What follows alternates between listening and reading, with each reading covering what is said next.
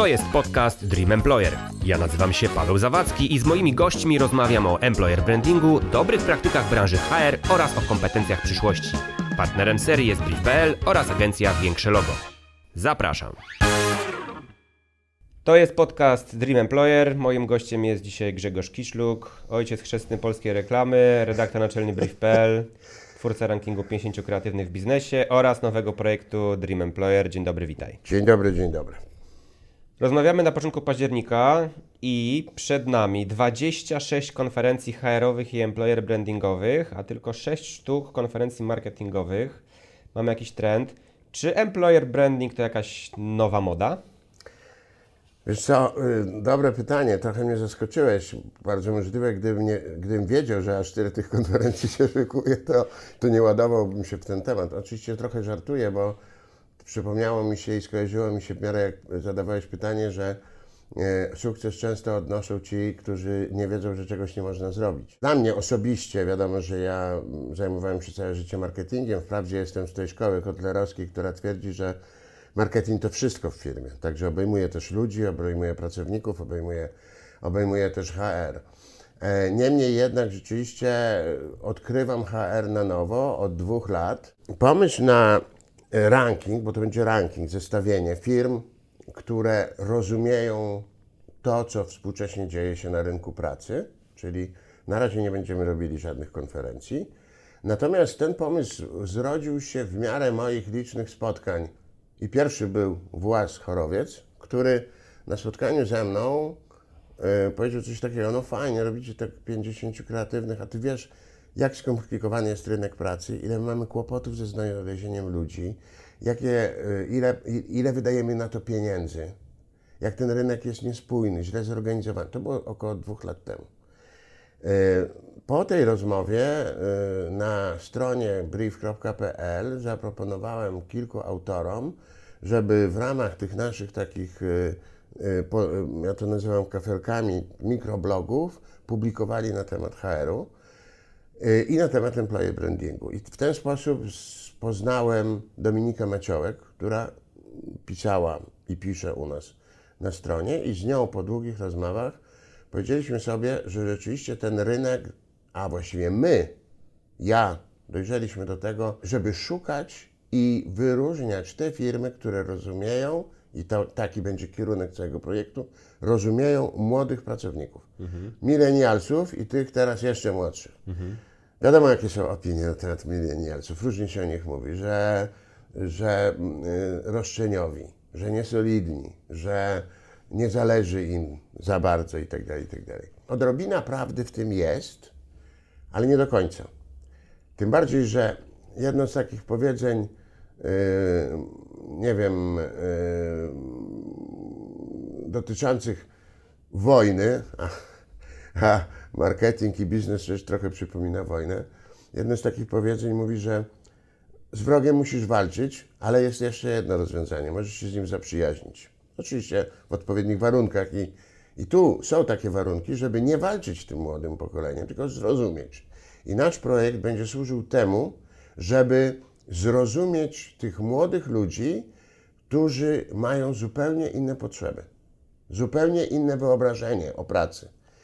Do jakiego stopnia to wyobrażenie jest inne, to właśnie ta Dominika Maciołek w wywiadzie, którego udzieliła już w ramach patronatu, którego nam udzielił, udzieliło Radio Z, a właściwie czyli Z, tam w tym wywiadzie, można ten podcast odnaleźć i posłuchać, zapytana, kto to są milenialsi, powiedziała, i to mnie zupełnie rozwaliło, ale jednocześnie ułożyło mi parę spraw w głowie.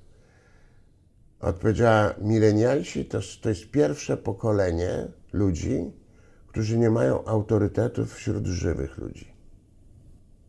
I uwierz mi, w tym momencie parę rzeczy mi się poukładało, bo ja co jakiś czas wraca do mnie taka myśl, Boże, mam tyle lat doświadczenia w marketingu, może, może kogoś to jeszcze interesuje. Nie, nikogo to nie interesuje. A przynajmniej nie w taki sposób, żeby usiąść i powiedzieć, słuchajcie, mam 30 lat w marketingu, bo wtedy pójdzie taki, taki, taki pomruk po sali, So what? Stary dziad. Stary dziad, to znaczy, So że nic what? nie wiesz o Tak. tym, co się wydarzyło i co jest teraz. A powiedz proszę, bo postawiłeś punkt ciężkości na millennialsach, no ale jednak employer branding to nie tylko komunikacja skierowana do tych najmłodszych ludzi i do tego najmłodszego pokolenia. Zakładamy, że jednak y, ci najmłodsi stanowią pewnie największy filar zatrudnienia w wielu, wielu organizacjach, no ale jednak to nie tylko oni pracują w firmach, tak? Potrzeba trochę komunikacji, komunikatów, marketingu czy tego całego employer brandingu, także do tych starszych osób i starszych pokoleń. Jak uważasz, czy w ogóle możliwe jest łączenie employer brandingu dla dużych organizacji jednocześnie dla pokolenia millennium czy Xów, Zów i tych trochę starszych osób, których jednak w tych organizacjach potrzeba? I potrzeba, i ich jest też coraz więcej, może nie relatywnie tak dużo i więcej, jak jest milenialsów. I mówię tu, jak mówię milenialsów, to mam na myśli wszystkich urodzonych po 1985 roku. Pewne badania, przewidywania przy, mówią, że w 2025 roku 75% ludzi to będą ludzie, którzy urodzili się po 1985 roku. E, więc warto poświęcić temu trochę miejsca.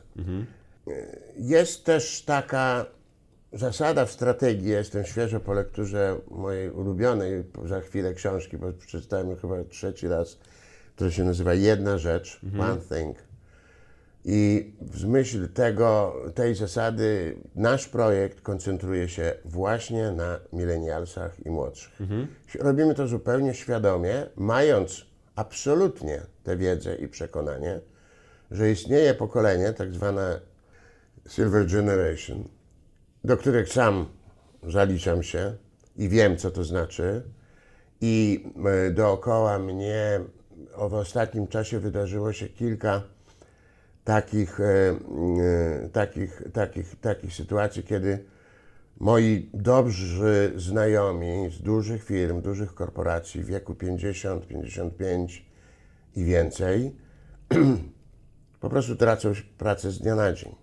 I nie zawsze jest to tylko to, że nie, nie nadążają, że nie mają kompetencji, ale to też jest prawdopodobnie polityka pracodawców, którzy uważają, że po co już inwestować w tych starych, za chwilę trzeba by im jakieś dawać odprawy, więc szukają pretekstu.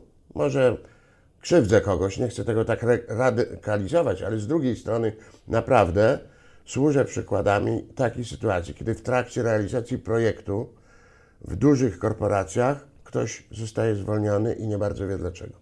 Przekładając to na taki język potoczny, czy to oznacza, że biznes przeżywa trochę kryzys wieku średniego, gdzie ten 40-letni człowiek nagle, wiesz, zostawia swoją żonę i bierze sobie 20-letnią partnerkę, bo nie chce inwestować pewnych zasobów. No to takie trochę porównanie e, żartobliwe, co? ale czy to jest e, Ale- pewnego ale- rodzaju analogia? Jest, ale jest rzeczywiście słuszne. Pierwszy raz słyszę takie porównanie, prawdopodobnie go teraz wymyśliłeś, ale rzeczywiście to jest słuszne.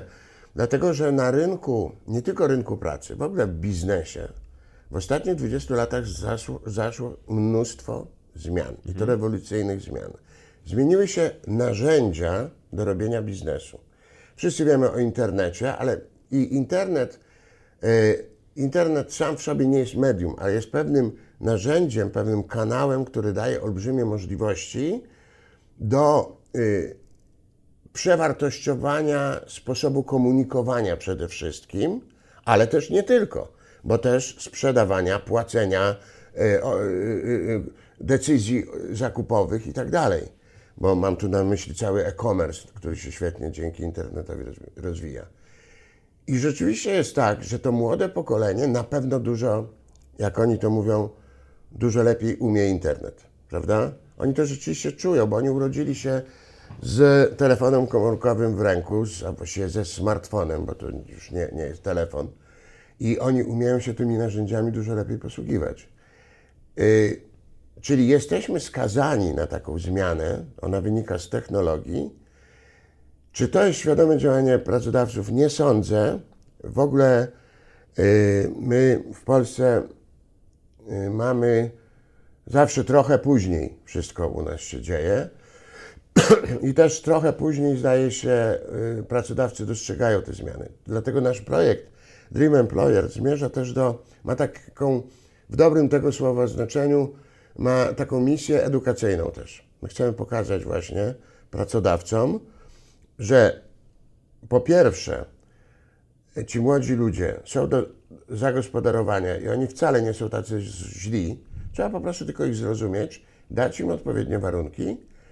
A po drugie, to na co ty zwracasz uwagę i co trochę lejesz miód na moje serce, bo to dotyczy mojego pokolenia, rzeczywiście trzeba pamiętać też o tych ludziach, którzy no, z racji takich gwałtownych przemian historycznych często mają kłopot z odnalezieniem się w tej rzeczywistości.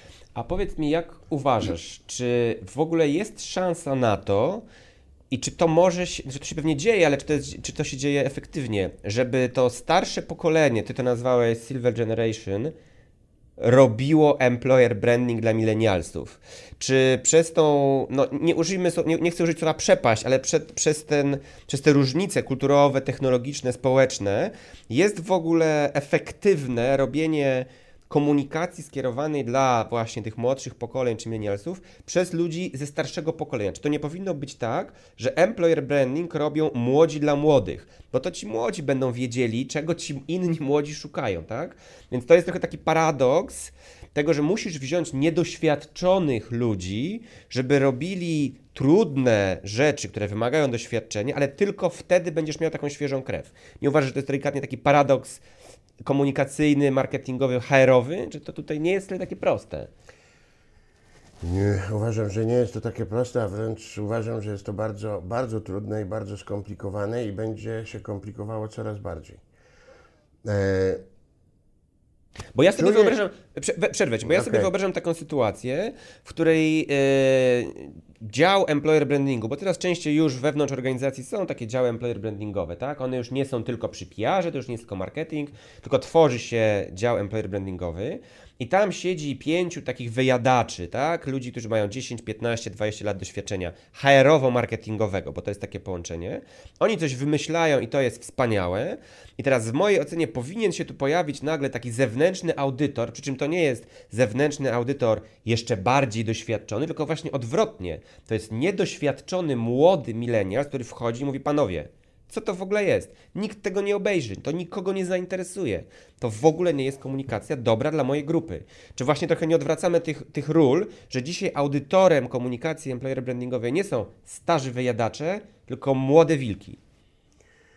Oczywiście, że tak jest, aczkolwiek ja wierzę w synergię i wierzę w to, że wprawdzie zmieniają się, tak jak powiedziałem, narzędzia, natomiast pewne zasady się nie zmieniają. I trochę, trochę stawiasz mnie w roli takiego właśnie starego dziada, który ma, ma bronić swojego miejsca, w którym się znalazł.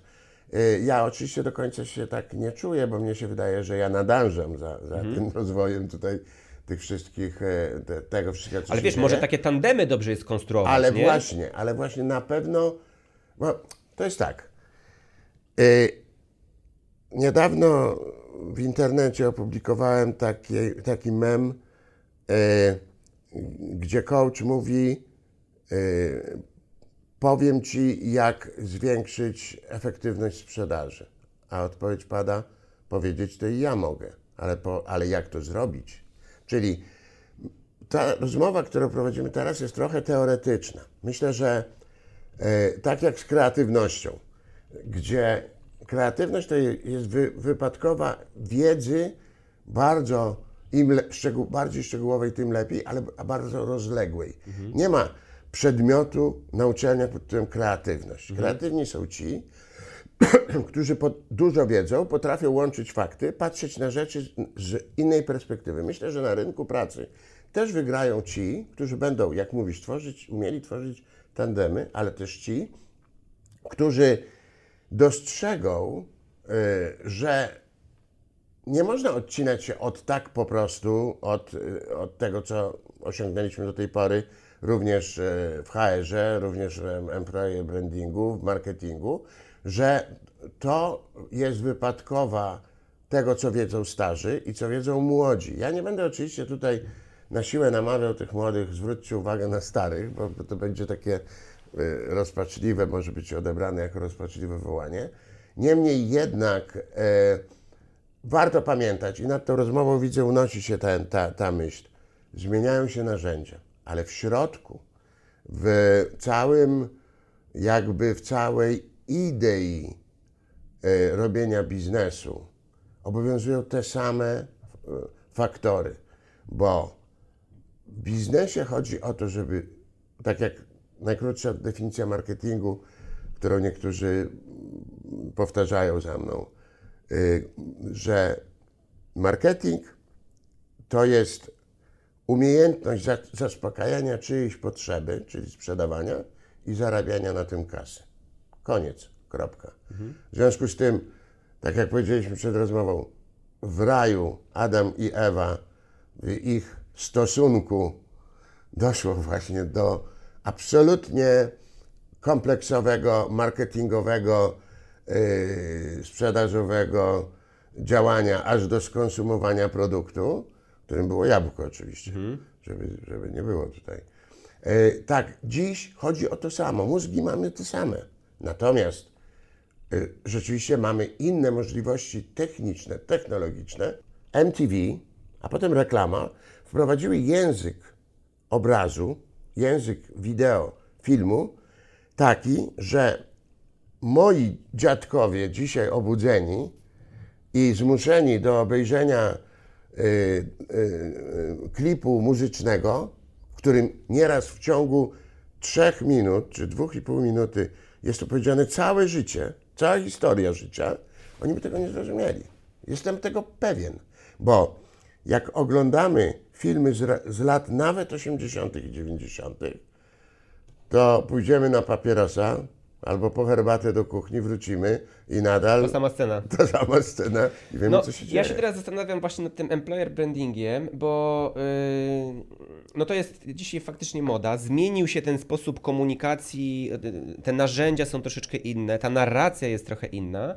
No i na przykład wyobrażam sobie, że takim dobrym przykładem employer brandingu, który był robiony kiedyś, który oczywiście nie był wtedy nazywany employer brandingiem, tylko może faktycznie marketingiem, na przykład był pewnego rodzaju wizerunek linii lotniczych Panam, tak? Mhm. Miałeś pięknych pilotów, miałeś wspaniałe maszyny, miałeś piękne stewardesy, wszyscy chcieli pracować w Pan Am, tak? To była pewnego rodzaju wizja pracodawcy, który daje ci pewnego rodzaju możliwości, spełnia marzenia i tak dalej, tak? Przypuszczam, że kilkanaście lat temu nikt nie nazwałby tego, czy kilkadziesiąt lat temu nikt nie nazwałby tego kampanią employer brandingu brandingową, ale wszyscy na lotniskach odwracali się za tymi tłumami pięknych stewardess, tak? Dzisiaj mamy te same tłumy pięknych stewardess, tylko nazywamy to kampanią employer brandingową. Moje pytanie brzmi, czy to trochę nie jest tak, że znaleźliśmy sobie nową etykietę na stare działania i to jest kolejny taki buzzword dzisiaj w komunikacji marketingowej, reklamowej czy w strategii komunikacji firmy, który jest po prostu sexy, sprzedaje się, dlatego trzeba o nim mówić. Y, zgadzam się, a nawet się narażę.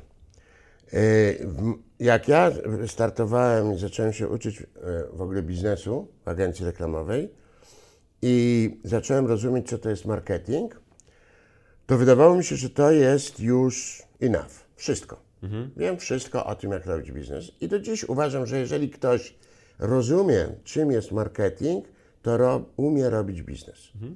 Potem z takich grubszych etapów pojawia się moda, która, moda w cudzysłowie, żeby też nie było, yy, że, że, że spłycam cały temat. Na, mam nadzieję zresztą, że wywołam może jak, jak, jakieś głosy oburzenia. Pojawia się yy, design thinking. Mhm, no tak. Jak kiedyś usiadłem, a nawet rozmawiałem z wieloma ludźmi i próbowałem zrozumieć, czym jest design thinking, to jest dokładnie tym, czym 4P w marketingu. Teraz sugerujesz, że jedną, bo na pewno tak jest, że employer branding, kampanie employer brandingowe są też przecież wpisują się w kampanie marketingowe czy promocyjne firmy. Mhm. Bo jeżeli mówimy, patrzcie, u nas się świetnie pracuje, dajemy olbrzymie możliwości naszym pracownikom. Ergo, nasz produkt, nasza firma jest wspaniała. Jesteśmy fajni. Przyjdźcie do nas, bo robimy fajne rzeczy. Mhm. Tylko tak sobie pomyślałem teraz, w tej chwili, jak zadawałeś to pytanie, że w końcu to jest bardzo dobrze. Dlatego, że dostrzega się człowieka. Mhm. Dostrzega się, y, bo marketing y, czy design thinking, bardzo duży nas, a szczególnie marketing, który jest moją domeną, rzeczywiście dostrzega narzędzia. I w produkcie, i w cenie, i w dystrybucji, i w promocji. Narzędzia, strategie i tak dalej.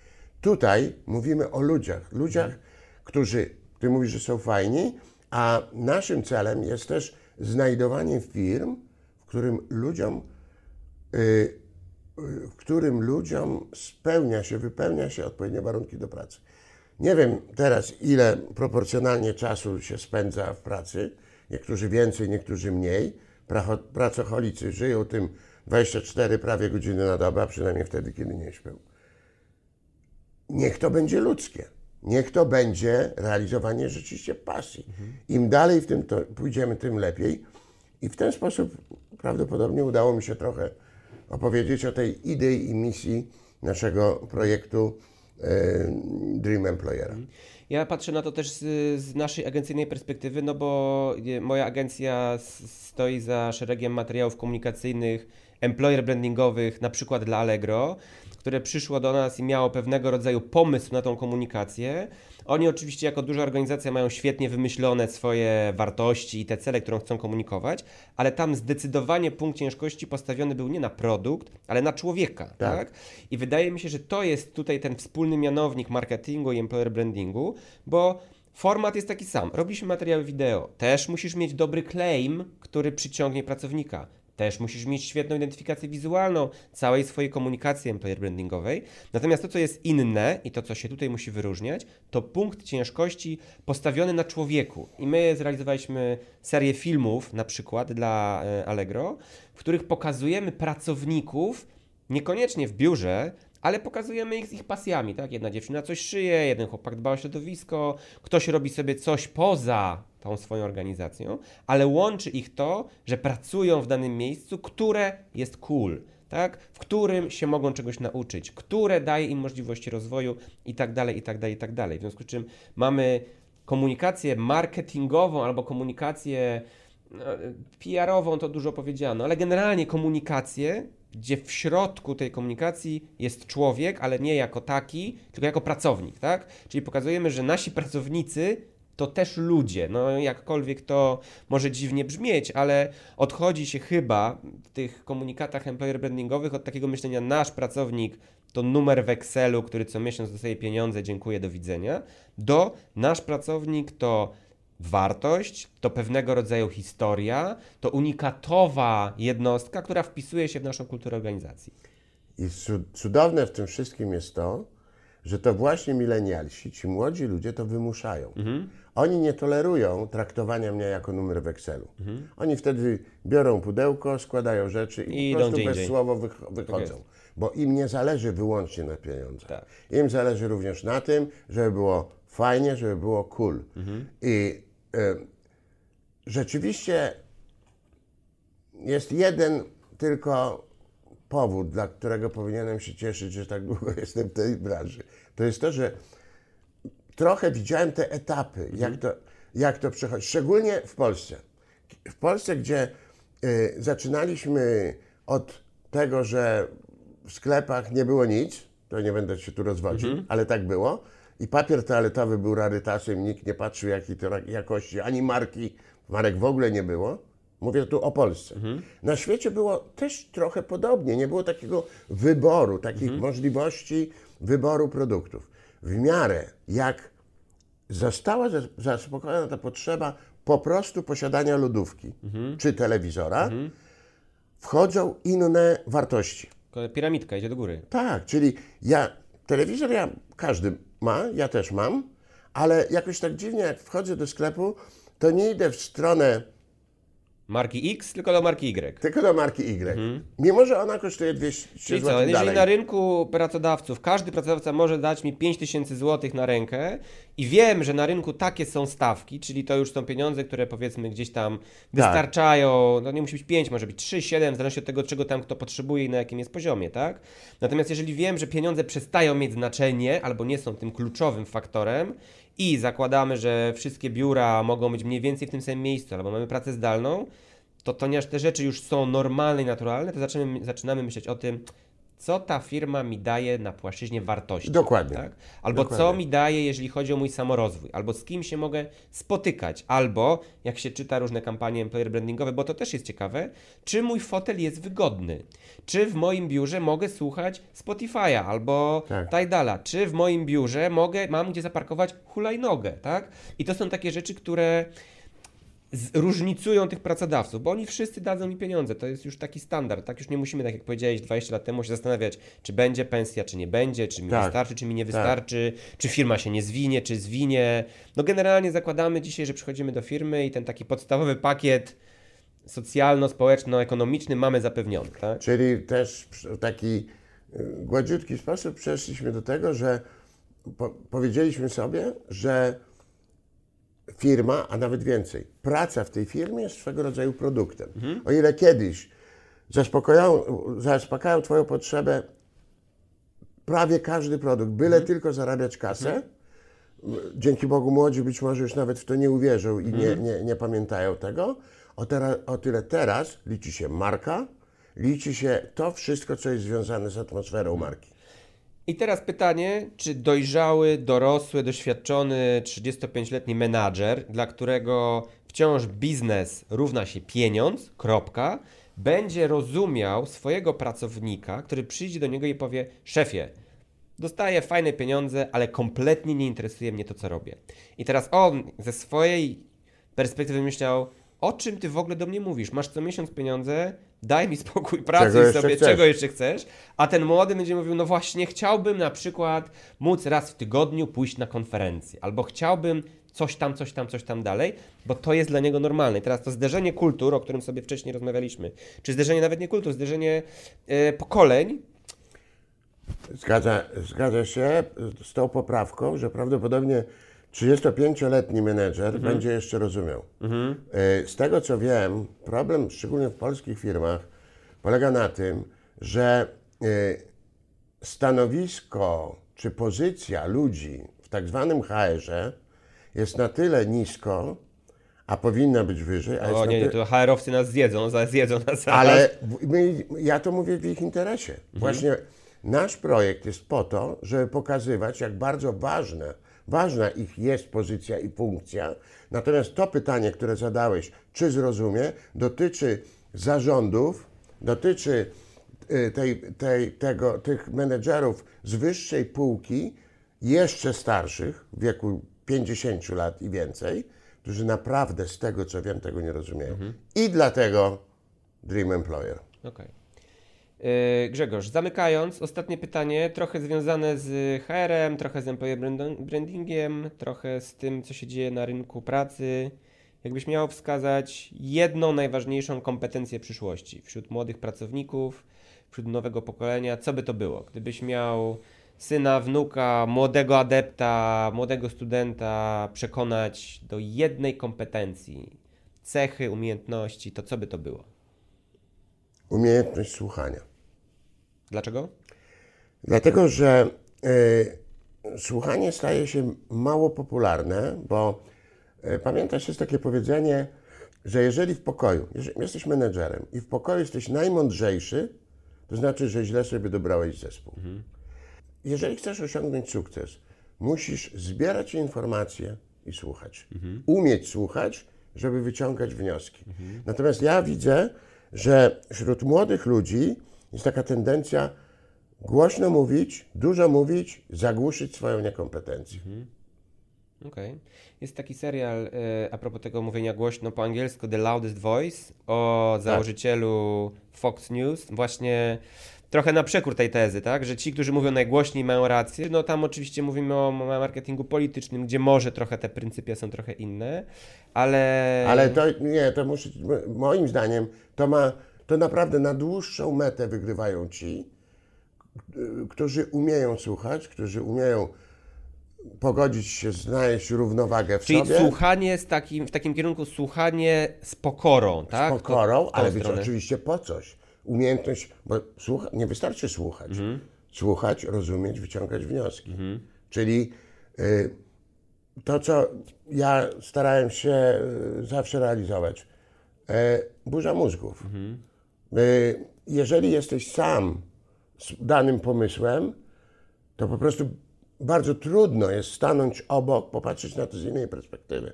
Musisz mieć partnerów, którzy ci, mm, wiesz, pomogą znaleźć najlepsze rozwiązanie.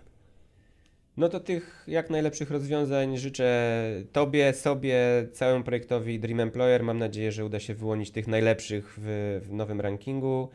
Trzymam kciuki za całą branżę HR-ową i employer brandingową. Bardzo dziękuję Ci za rozmowę i do usłyszenia. Dziękuję bardzo.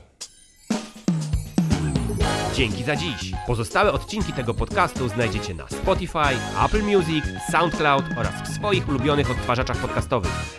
Do usłyszenia!